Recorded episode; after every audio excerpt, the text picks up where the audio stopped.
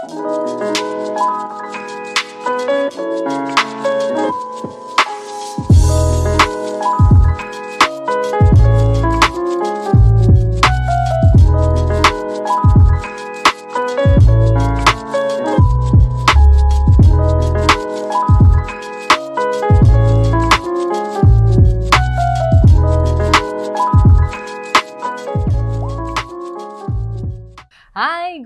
Hardworkers. Welcome back. Masih di Pillow Talks bersama Rani Sutari. Pastinya setiap hari Kamis dari jam 9 sampai jam 11 malam kita membahas all things yang kayaknya membuat kamu tuh penasaran. Hal-hal yang biasanya setiap hari kita take for granted maybe dan lo pengen nanya tapi bingung ke siapa. Makanya Rani selalu menghadirkan expert-expert ya kan untuk lo juga bisa sambil dengerin curhatannya pada malam hari ini. Dan pastinya malam hari ini aku ada di Hotel The Westin Jakarta sedang meminjam dikasih pinjam nih kamarnya yang luar biasa sekali. Luar biasa. Ini adalah The Westin Suite. Dan pada malam hari ini aku kedatangan seorang yang aduh bener-bener interesting banget dari awal ngelihat profilnya di Instagram. Bapak Gobin Fashdev, apa Yo. kabar? Kabar bahagia. Kabar bahagia ya. Bapak Gobin ini adalah seorang book author, happiness insight, hard worker juga. Salah satu instruktur juga di Buteyko Indonesia. Ini adalah uh, breathing instructor, tapi juga trauma healing instructor. Yes. Wih, panjang ya kayaknya nih profilnya Bapak Gobin. Tapi kayaknya sebenarnya ini hal yang hard rockers tuh perlu tahu Yes. Pak Gobin karena eh, hard rockers mungkin tanpa disadari gitu ya Eh, sehari-harinya mungkin penuh tekanan, penuh stres dan lain-lain. Akhirnya tuh suka lupa sama hal yang kita lakukan subconsciously setiap hari yaitu bernafas. Bernafas kan kita nggak sadar Pak, autopilot. Betul banget. Tapi sebelum Take it for granted. ya. Iya, kita take it take it for granted. Karena Yes. kita bernafas, kita punya hidung, ada udara sehari-hari. Wah, udahlah ya, kita hidup dengan nyaman. Padahal hmm, belum tentu breathing kita, bernafas kita sudah menggunakan cara yang benar.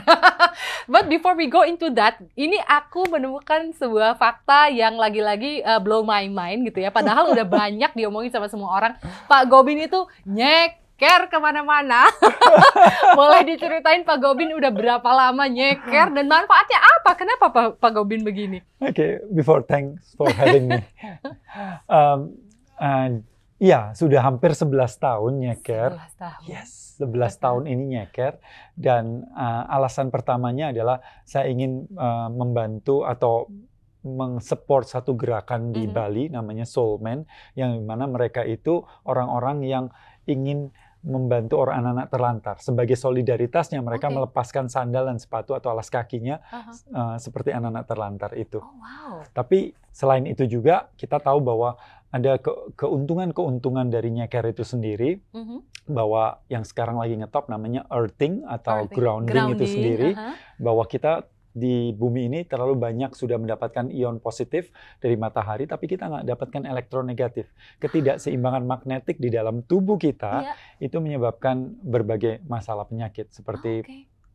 Uh, dikatakan stroke itu terjadi lebih banyak di lantai dua daripada lantai satu jadi Oh, semakin iya? tinggi kita tinggal Oh god. semakin nggak sehat kita lagi di lantai 66 ini Apartemen saya juga tinggi loh Pak. Aduh, saya Oke, langsung ngerasa nggak grounding. tapi tapi jangan khawatir Oke. bahwa uh, grounding itu nggak harus 24 jam seperti saya Nyeker, nyeker, begini, tapi uh-huh. paling tidak 30 menit dalam satu hari Iya. hubungkan diri kita dengan batu, pasir, tanah, rumput. Keempat media ini mengeluarkan elektron negatif I see. Dan itu akan membuat tidur kita menjadi lebih nyenyak, kemudian an- inflamasi kita berkurang, Mhm. detak jantung kita lebih stabil, tekanan lebih stabil dan kalau punya luka itu juga cepat sembuh Mhm. uh, imunitas meningkat dan Mhm. begitu banyak hal yang kita bisa lakukan dengan sebenarnya hanya melepaskan sandal dan sepatu yang ada. Dan cuma perlu minimum 30 menit per hari. Per Yang hari. penting kena tanah atau rumput Batu, atau pasir dan batu. betul. Wow, makanya aku sering ke Bali, Harkers. Karena aku suka di sana banyak pasir. Cari-cari alasan. Tapi ya Pak, namanya ke Bali. Kan aku tahu nih Bapak Gobin juga uh, tinggalnya di Bali gitu. Uh, memang menurut aku punya sensasi yang berbeda. Ketika sampai Bali tuh kayak mainnya ke switch kayak pengen healing gitu. Betul Nah, banget. Sebenarnya aku juga pengen tanya, ini kan kita tadi sempat sedikit ngobrol off air gitu. Ternyata yang namanya healing itu juga bisa kita lakukan sendiri, menggunakan badan kita sendiri. Kita udah punya toolnya. Kalau kata Hmm. Pak Gobin, kita Yes. punya toolnya Rani. Tapi kita mungkin lupa dan tidak tahu bagaimana menggunakannya. Ya. Salah satunya adalah breathing, bernafas. Betul. Can you explain it, Pak? Iya, ini adalah sesuatu pola yang sering kali bernafas itu paling Hmm, di underrated gitu ya. Betul. Bahwa selama ini kalau kita pergi ke dokter gitu ya, selalu yang ditanya em, sakit apa, kemudian setelah itu dikasih resep ya vitamin Iya. atau obat gitu dan kemudian mulai ditanya makannya bagaimana?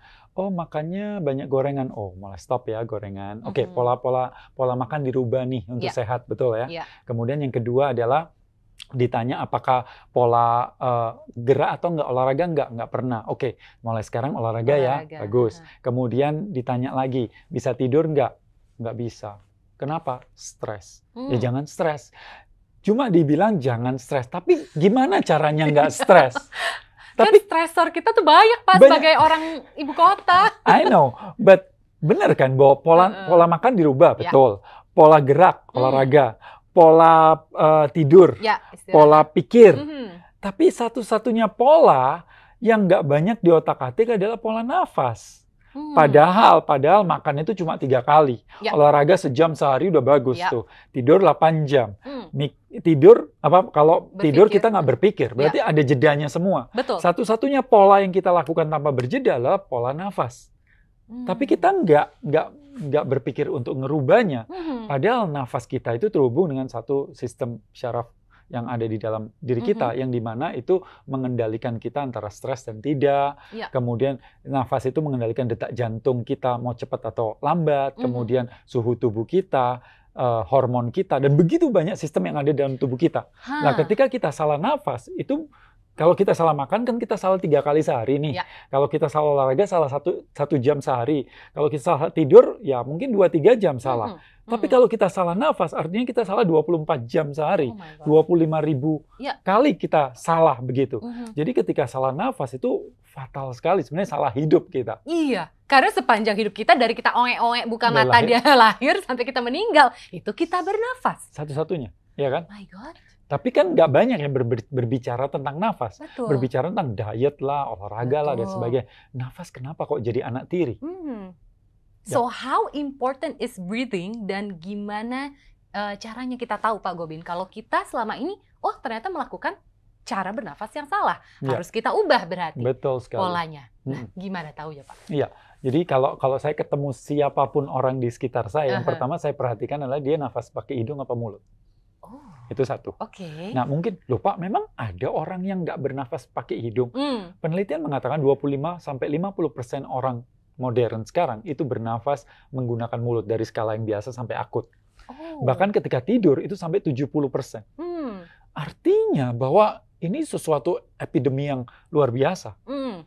Kemudian dia bernafas dengan dada atau dengan diafragma. Diafragma. Itu juga adalah eh, sekarang masalah. Kenapa? Ketika kita stres, kita Mm-mm. cenderung untuk nafas dengan dada. Hmm. Nah, kemudian yang ketiga adalah nafas per menitnya berapa. Oke. Harusnya. oke. Nah, kalau saya lihat di sekitaran kita itu begitu banyak yang over breathing atau disebut hyperventilation Ah. yang tanpa kita sadari. Iya, iya, iya, Iya. iya. Dan mungkin ini terjadinya terlebih ketika kita lagi stres mungkin karena kita betul. hyperventil eh, hyperventilating menghisap atau menghirup udara lebih cepat dan tanpa disadari jangan-jangan mungkin eh, gini ya Pak ber- eh, bernafasnya bukan cuma dari hid- eh, mulut tapi dari hidung dan mulut mungkin nggak jadi dua-duanya Ya. eh, bekerja padahal sebenarnya tidak efektif. Yes, sangat nggak efektif. Kalau kita bernafas dengan mulut, otomatis lebih banyak. Dan Hmm. emang emang salah satu faktor utama orang hyperventilation adalah mouth breathing. Mhm. Yang kedua adalah stres. Karena Hmm. ketika stres, otomatis kan eh, tubuh kita itu detak jantungnya lebih cepat, bronkus lebih lebar, pola mata kita lebih lebar, dan pada saat itu nafas kita akan menjadi lebih cepat. Karena Hmm. tubuhnya akan membuat adrenalin dan kemudian glikogen dirubah jadi glukosa sehingga pada saat itu harusnya kita dalam kondisi apa yang disebut mode fight or flight. Iya. Jadi stres itu ingat ya, Rani, bahwa stres itu bukan di kepala, stres itu di sistem syaraf kita. Sistem syaraf ya. Ya. Ini kalau hardworkers mungkin pengen tahu lebih banyak mungkin bisa di Google nervous system. Ini Autonomic sebenarnya nerve system. autonomic nerve system. Ini Ya. sebenarnya yang benar-benar inti jati diri kita yang membuat kita berjalan bekerja adalah si nervous system ini ya, Iya, Pak ya dan betul. Sangat dipengaruhi dengan pola kita bernafas. Yes. Nah, Oh. ketika harusnya kita harus lebih banyak di parasimpatik atau di mana modenya itu rest and digest Mhm. harusnya. Tapi eh, menurut banyak yang saya baca Mhm. adalah sebagian besar orang modern apalagi di kota-kota besar Iya. itu mereka lebih banyak stresnya atau simpatiknya Iya. ini. Nah, ini ini dipicu karena apa? Ya karena ada satu kata-kata yang selalu diartikan kecil. Kata-kata itu adalah we are what we eat.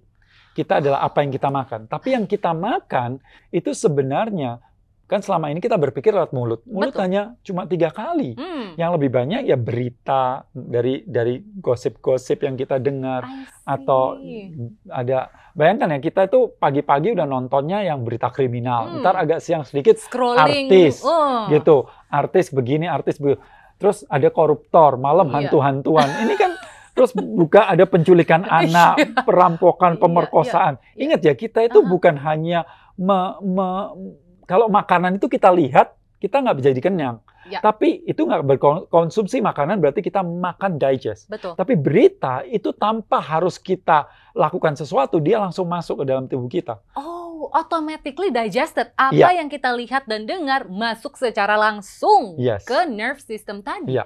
Oh, wow. Oke, otomatis kan ketika kita lihat pemerkosaan, walaupun kita tahu, tapi oh langsung ada suatu bagian tubuh kita yang jadi lebih tegang begitu. Lebih takut, Nah. tegang, hati-hati. Hari ini kita itu juara dalam ilmu untuk membuat tubuh kita tegang, iya kan? Setuju Tapi Pak. kita nggak punya teknik untuk melepaskan ketegangan itu. oh, Ketika saya tanya teman saya gitu, oh, dia bilang, ya Bin kalau stres-stres gampang nonton. Oh ya, tapi nontonnya Susana bangkit dalam kubur. Jadi kan salah dong. Ya, lucu banget kita Iya. menghilangkan stres dengan bikin stres. baru gitu loh. It- Iya, iya. Itu itu masalahnya Iya. sekarang kita nggak punya tools untuk bagaimana melepaskan si stres itu, Oke. ya kan? Paling ya lari-lari, ngomongnya healing tapi ngabisin duit ya, Hmm. terus otomatis ya pulang-pulang tambah stres lagi gitu. Karena kebanyakan spending akhirnya hil- Ya. hilang, bukan healing, Healing. Pak. hilang duitnya, Hilang. Pak. Oke, oke. Oke. Jadi eh, si breathing ini adalah sebenarnya bisa menjadi salah satu teknik untuk merilis stres tadi. Yes, paling tidak mengurangi stres. Mhm. Jadi begini, ketika kita stres kan detak jantung cepat, otak kita kan cepat ya. Betul. Lah kita nggak bisa ngomong sama otak, hai otak tenang dong, tenang dong, nggak mungkin, tidak mungkin, ya kan? Iya. Lah otak terhubung dengan jantung, jantung kita juga nggak bisa bilang, hai jantung tenang dong, nggak mungkin. Iya. Nah jantung terhubung dengan nafas. Hmm. Nah untungnya nafas ini bisa berjalan sendiri, tapi kita bisa juga melakukan intervensi. Melatih. Ya, atau kita intervensi, kita lambatkan contohnya. Oke. Jadi jadi detak cepat, nafas juga cepat. Nah, kita nggak bisa intervensi otak, kita nggak bisa mengintervensi jantung, maka Mm-mm. yang bisa kita intervensi adalah nafas kita. Nafas. Ketika kita nafasnya jadi pelan, maka detak jantung kita menjadi lebih lambat. Betul. Otak kita juga akan menjadi lebih rileks. slow ya. Ya, maka itu nggak ada satu orang pun di dunia yang bisa marah-marah dengan nafas lambat. Itu tidak mungkin. Iya. Maka daripada kita bilang sama anak kita, nak, sabar, nak, sabar, nak, nanti dimarahin apa, ah, nanti apa namanya, nanti kamu kalau marah nanti Tuhannya marah, nanti dihukum lah, ada neraka lah, ada Iya, ini iya, disuntik iya, iya. dokter di polisi. Eh, eh. Daripada gitu, kita perlu untuk nak pelankan nafas, tarik nafas empat hitungan, tahan, lepaskan enam hitungan. Nah, hal-hal seperti itu adalah Hmm. real, nyata. Kata-kata sabar itu sesuatu yang tidak nyata. Iya, iya, iya. ya kan? Benar, Jadi benar. itu yang dilakukan. Maka itu ada satu kata-kata, when you own your breath, nobody can steal your peace. Ketika kita bisa menguasai nafas kita, maka tidak ada satu orang pun di dunia yang mampu mencuri kedamaian di dalam diri kita. Oh, ternyata meaningnya deep banget ya. Jadi dengan kita mengatur, mengintervensi nafas tadi, sebenarnya slowing our heart rate, bikin uh, cara kita berpikir lebih jelas, lebih clear, karena kita bisa think slowly gitu ya. Mhm. Dan Mhm. juga pastinya ya bikin kita lebih kalem. lebih kalem, gitu lebih ya. sehat juga. Nah, oke, ini eh, aku juga interested nih. Tadi memang Pak Gobin bilang dengan mengatur nafas kita, mengintervensi nafas kita, melatihnya biar lebih slower, memang bagus untuk tadi kesehatan mental, Ya. mengatur emosional, mungkin ada healing di sana. Tapi sebenarnya yang aku pikirkan juga apakah dengan uh, mengatur nafas kita tadi itu benar-benar ngefek juga secara fisik. Kalau tadi kan Ya. secara emosional ya Pak ya, Mm-mm. tapi ke secara fisik ngefek juga Pak. Oh sangat sangat ngefek banget. Nah ini yang menarik bahwa sebagian besar orang berpikir begini. Kalau saya kita tahu bahwa tubuh kita itu 65% atomnya adalah O, oksigen. ya. Oksigen, betul. Oksigen itu itu atomnya itu paling banyak adalah O. Hmm. Tapi di sisi lain kita itu paling tidak tahan dengan nafas. Kalau kita nggak makan dalam arti tiga hari, empat Ya. hari, rekor dunia 382 hari orang nggak makan Wow. dan masih bisa hidup. No ya kan? solid food and no Iya. uh, drink itu ya. 382 hari saya nggak tahu minum atau nggak. Nah kalau eh, kita nggak nggak tidur mungkin bisa berhari-hari. Hmm. Tapi kalau kita nggak bernafas berapa menit udah terjadi masalah fatal dalam tubuh kita. Betul. Artinya kita sangat tergantung dengan nafas ini. Mhm. Nah semua orang ketika apalagi ketika COVID selalu berbicara tentang oksigen, oksigen, Iya. oksigen dan oksigen. Betul. Nah kemudian beli itu oximeter yang wah 99 Oh, iya. dan berapa. Itu Oke. benar nggak sih Pak? ya itu benar itu adalah itu adalah eh, darah eh, oksigen di dalam darah. Betul. Tapi tugasnya bukan hanya oksigen masuk ke dalam darah saja, Hmm. tapi penting juga oksigen ini masuk ke dalam sel, ke dalam jaringan, ke Ya. tisu. Dan itulah pentingnya satu zat yang lain yang selalu dianggap jelek adalah karbon dioksida. Mm-mm. Kalau kita nafas terlalu banyak, maka karbon dioksida kita turun. Dan pada saat itu ketika karbon dioksida turun, maka kar- oksigen akan sulit masuk ke dalam sel sehingga Oh. tidak terjadi oksigenisasi dalam tubuh Mm-mm. kita. Maka ketika itu terjadi, maka energi kita jadi loyo, Menurun. menurun dan ya, faktor-faktor kesehatan kalau oksigen yang kurang dalam tubuh itu akan akan berbahaya. Maka itu ini yang di kalau, kalau saya Iya. less is more itu bernafas lebih sedikit untuk mendapatkan oksigen lebih banyak.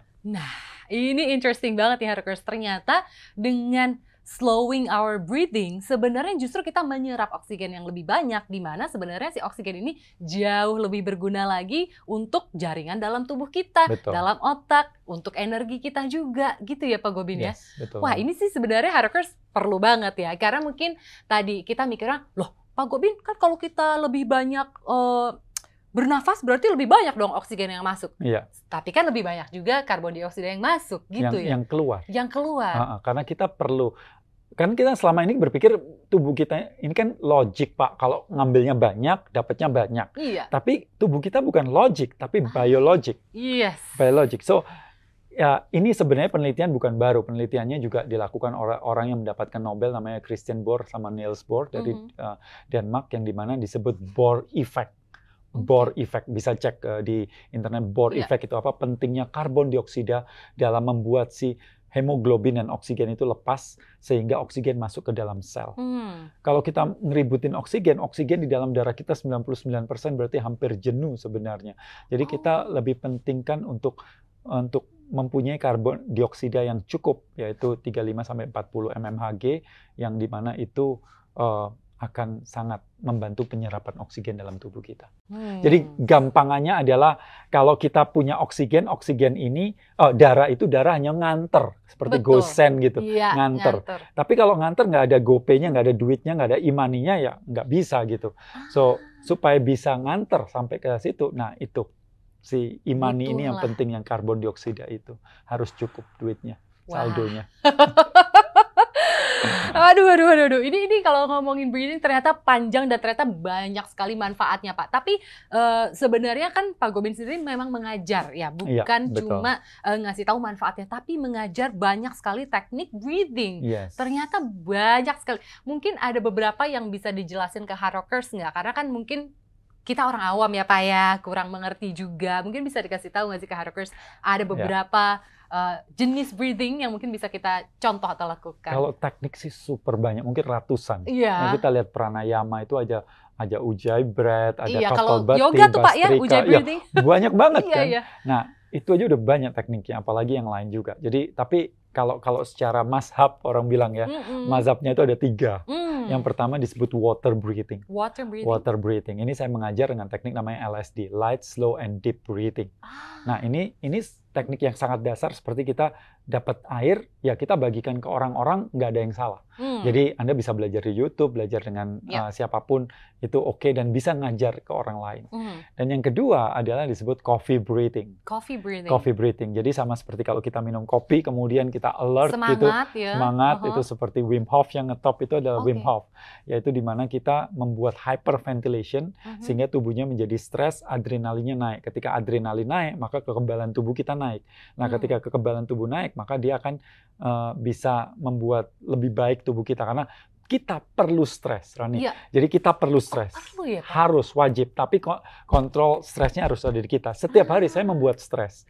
Jadi Oke. setiap hari saya sauna di rumah. Iya. Saya setiap hari mandi air es. Iya. Kemudian saya juga uh, melakukan olahraga, olah Hmm. nafas. Yang di mana ini membuat stres semua. Kenapa saya buat stres? Karena dengan dengan membuat stres maka kekebalan tubuh saya naik. Tapi kalau terlalu sering stres, ini berbahaya. Betul. Jadi kita bisa ngatur uh, amount tertentu breathing sehingga stresnya terjaga. Hmm. Kemudian itu yang kedua namanya uh, Coffee uh, coffee breathing, breathing. Yang satunya lagi adalah whiskey breathing atau Whiskey. wine breathing, tapi halal. halal, Halal, ya. halal, halal, halal. Haroker jangan mikir wah berarti gue harus minum whisky bukan Ya.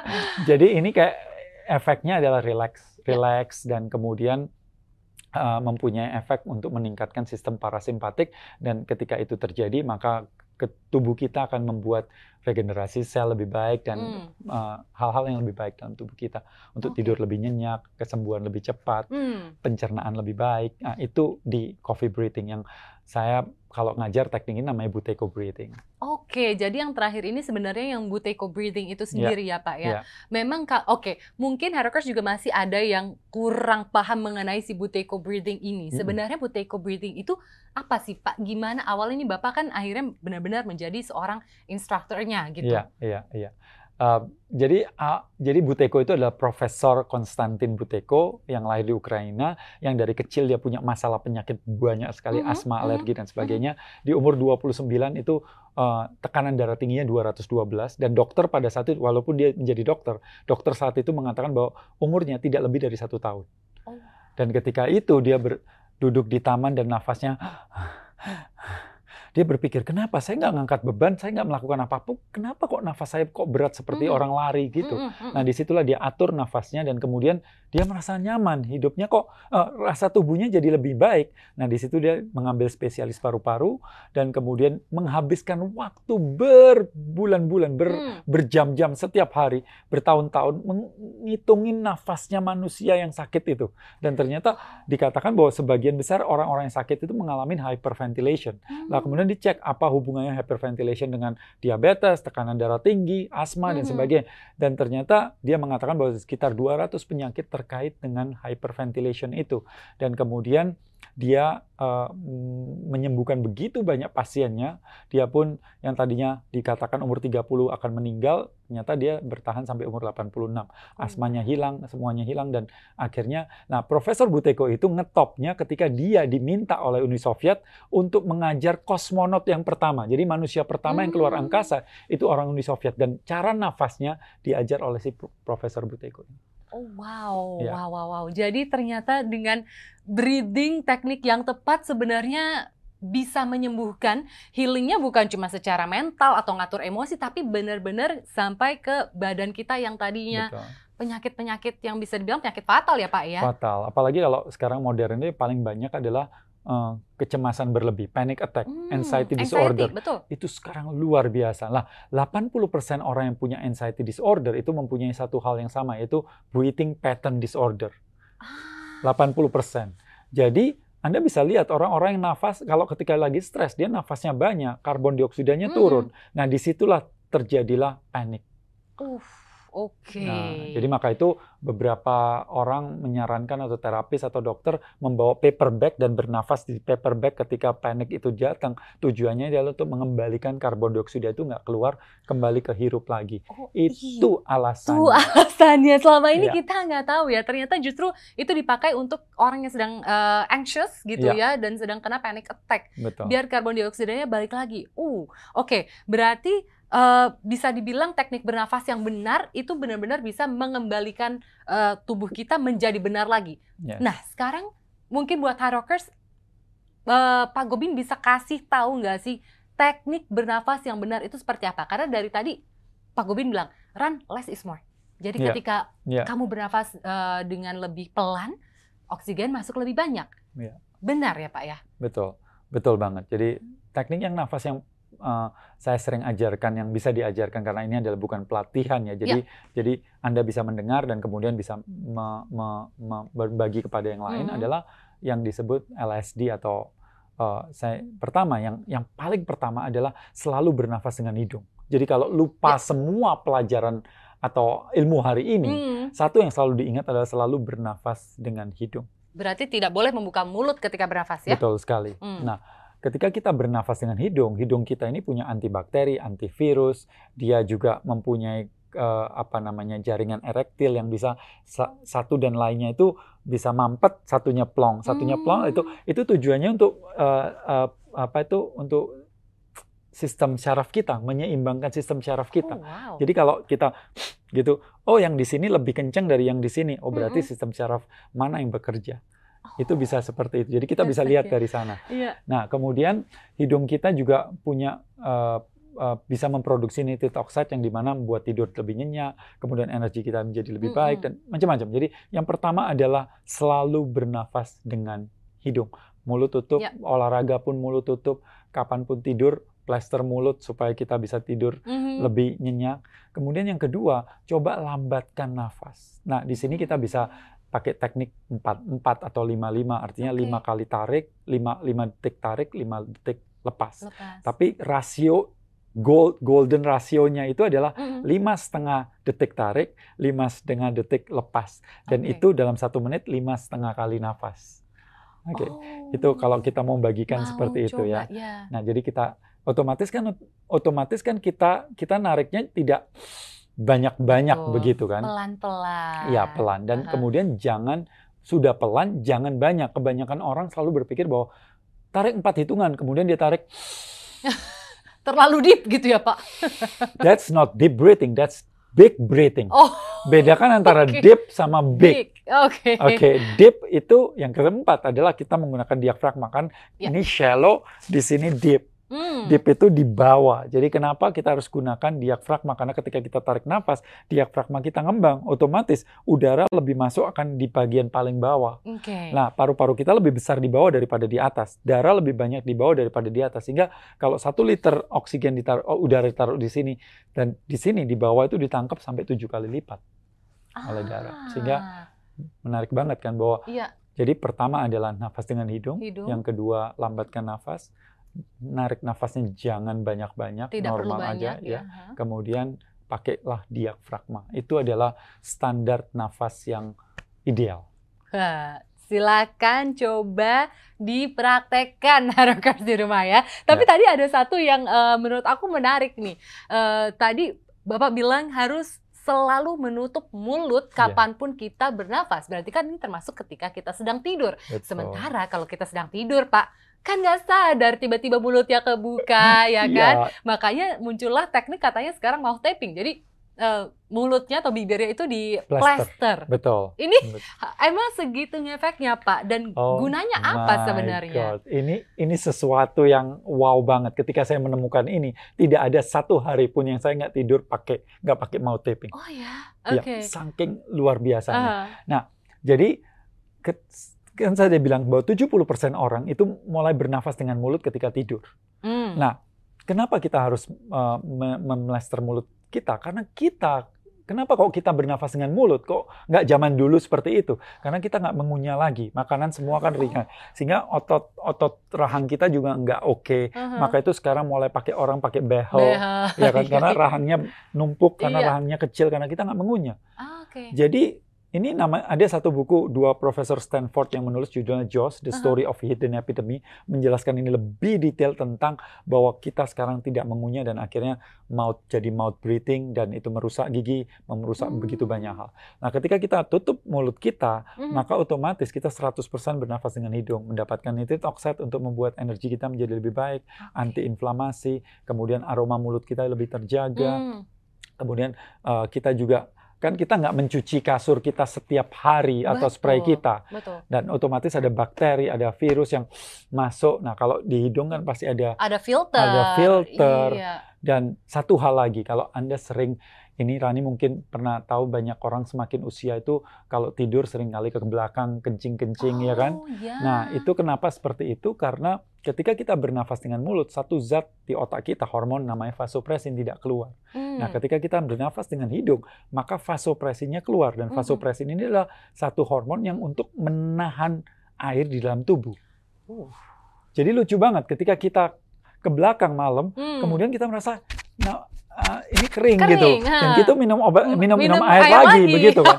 Padahal kan ketika kita nafas mulut itu uap Iya. air kan banyak keluar kan. Iya, oke. Harusnya kan habis. Enggak, kencing, minum, kencing, minum. Enggak selesai-selesai. Hmm, jadi yang paling benar adalah silahkan di mouth taping. Kalau mau tidur malam hari ini jangan lupa di plaster mulutnya biar benar-benar hanya menggunakan hidung saja. Dan mungkin kalau biar sleepnya biar tambah eh, enak lagi pelan-pelan tadi. Lima setengah hitungan mengambil lima setengah hitungan mengeluarkan nafas. Tapi sebelumnya, ini karena ada pernah tahun 2019 viral dan saya pernah di apa namanya di hakimi oleh para dokter-dokter itu, maka saya mau ingatkan satu, Iya. penggunaan mouth taping harus menggunakan micropore. Jangan pakai lakban, jangan pakai Waduh. plaster.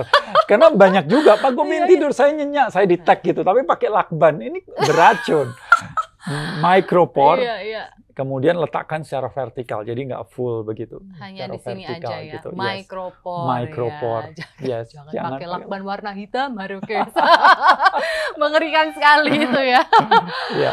Oke, Pak, ini kan, aduh, sebenarnya saya masih pengen ngobrol satu jam, dua jam, tiga jam lagi sebenarnya. Tapi ini kayaknya kita sudah mau hampir eh, selesai. Tapi aku pengen eh, Pak Gobin juga ngajarin aku dan juga Mhm. hard rockers teknik breathing yang benar. Boleh nggak kita eh, praktekin bareng-bareng Pak Gobin biar hard rockers juga tahu nih gimana caranya. Ya, Oke, ya kita bisa um, kita bisa lakukan teknik di di berbagai cara. Bisa duduk, bisa sambil berbaring. Kalau berbaring tentu adalah teknik se- sebelum tidur. Iya. Nah, ketika duduk itu usahakan bisa bersila, Mhm, bisa duduk uh, di kursi. mhm. Tapi kalau duduk di kursi pastikan kakinya menyentuh lantai. Oke, Dan kemudian usahakan tidak bersandar. oke, Kena- harus. Kenapa? Aha. Karena nggak banyak orang tahu paru-paru kita bukan di depan tapi di belakang lebih banyak daripada di Oh, depan. iya? Yes. Jadi, Jadi kalau kita nyadar. bersandar, maka Oke. itu tidur disarankan miring lebih baik Iya. daripada uh, bersandar karena paru-paru kita lebih banyak di belakang daripada di depan. Oh, Maka itu waktu COVID ada proning ya kan? Iya. Nah, itu karena paru-paru kita di belakang bukan di depan. Oke. Oke. So, usahakan tegap dan itu Mhm. kemudian kita akan uh, melakukan teknik nafas let's see 4 4 atau 5 5. Mhm. Kita anggap 5 5 karena lima setengah agak sulit. Maka kita duduk kemudian tutup mulut. Lidahnya kalau bisa nempel di langit-langit, Mhm. Mhm, tapi jangan kena gigi. Kemudian boleh buka mata, boleh tutup mata. Kemudian relax, full nafas dengan hidung masuk keluarnya.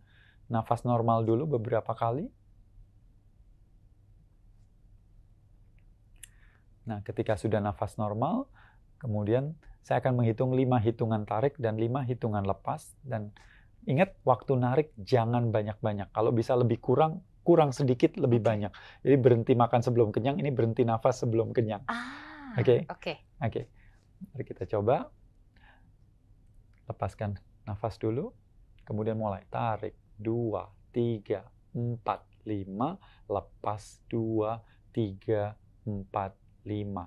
Tarik. Dua, tiga, empat, lima. Lepas dua, tiga, empat, lima.